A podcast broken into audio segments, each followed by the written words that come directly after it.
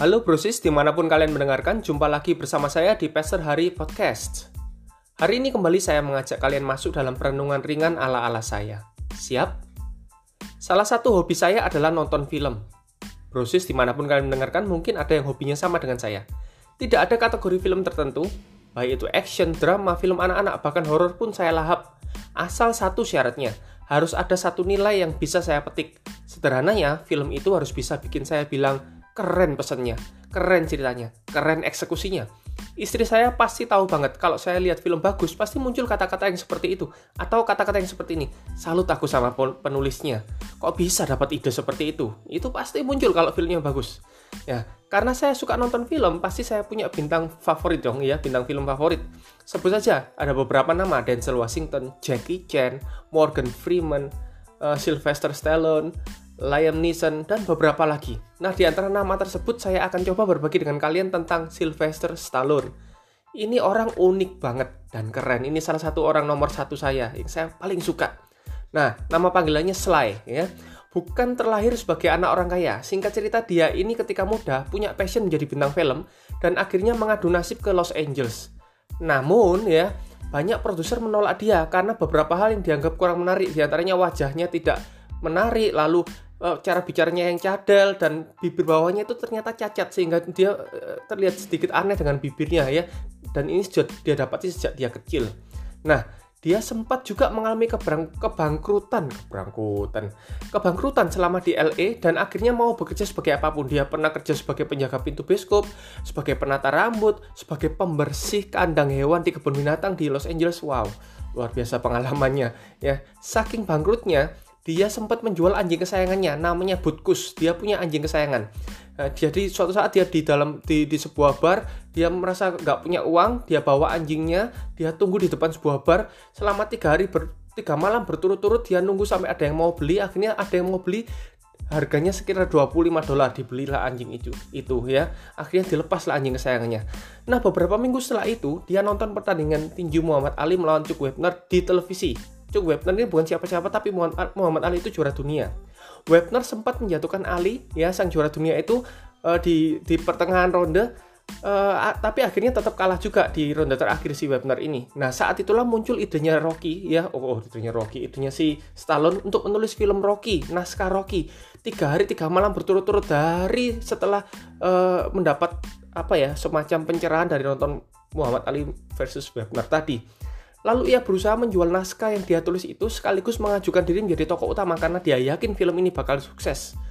Nah, beberapa produser tertarik, namun tidak mau selain memintanginya. Naskah tersebut ditawar, dibelinya mau dibeli naskah saja ditawar dari harga 20.000 dolar hingga menjadi hampir 400.000 dolar naik terus harganya.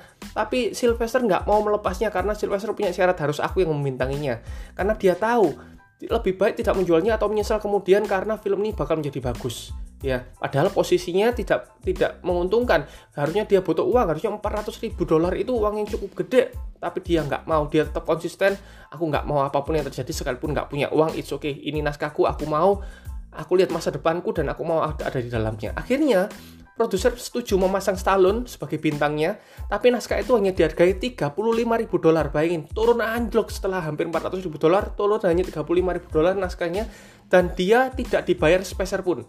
Stallone sepakat, wah luar biasa orang ini. Stallone tetap, tetap menyetujui, oke okay, baik.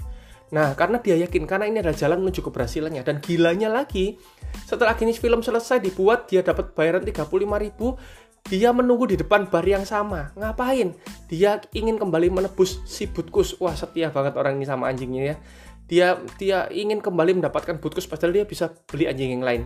Akhirnya setelah menunggu berhari-hari, pemilik Butkus datang di bar itu dan tawar menawar akhirnya kurang ajarnya ini karena tahu Stallone benar-benar pengen Butkus lagi dijual seharga 3000 dolar bayangin dulu hanya beli 25 dari uh, Sylvester Stick hanya 25 dolar tapi Sylvester karena begitu sayang dia membelinya nah alhasil tahun 76 Rocky, film Rocky ini sukses besar dan mendapat dua penghargaan Academy Awards sebagai aktor terbaik dan naskah terbaik. Luar biasa toh.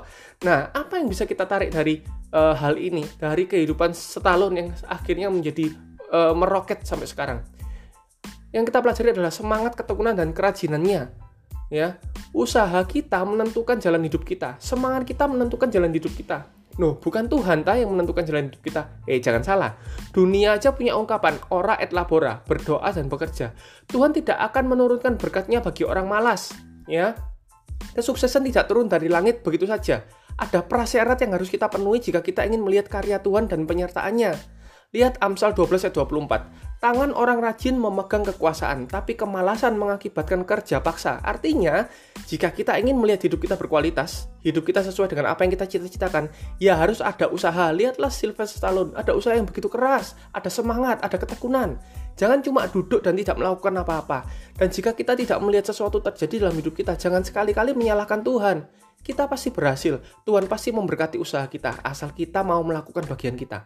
Apa pun hari ini yang menjadi tujuan kalian, passion kalian, kerjakan dengan sungguh-sungguh. Tambahkan niat di dalamnya. Selidiki bagaimana melakukannya lebih baik. Apalagi di zaman percepatan seperti ini. Apa pun bisa kita dapatkan melalui internet, pembelajaran apa pun. Ya, kita mau cari apa pun ada di internet. Kita punya banyak kesempatan untuk berhasil. Lakukan bagian kita, andalkan Tuhan untuk menyertai kita. Oke? Nah, ini dia akhir perenungan hari ini. Mari kita berdoa. Tuhan Yesus, Aku menyerahkan setiap tujuan dan passion anak-anakmu yang mendengarkan pada hari ini. Berkati mereka dalam apa pun yang sedang mereka rencanakan, apa yang mereka lakukan dan apa yang mereka usahakan. Buatlah mereka berhasil agar keberhasilan mereka memuliakan namamu ya Bapa. Dalam nama Yesus, amin. Semoga ini memberkati kalian. Jika Brusis ingin terhubung dengan saya lebih lagi, ikuti saya di Instagram at Sutanto. H-A-R-I-Y-A-D-I Sutanto. Tuhan memberkati. God loves you.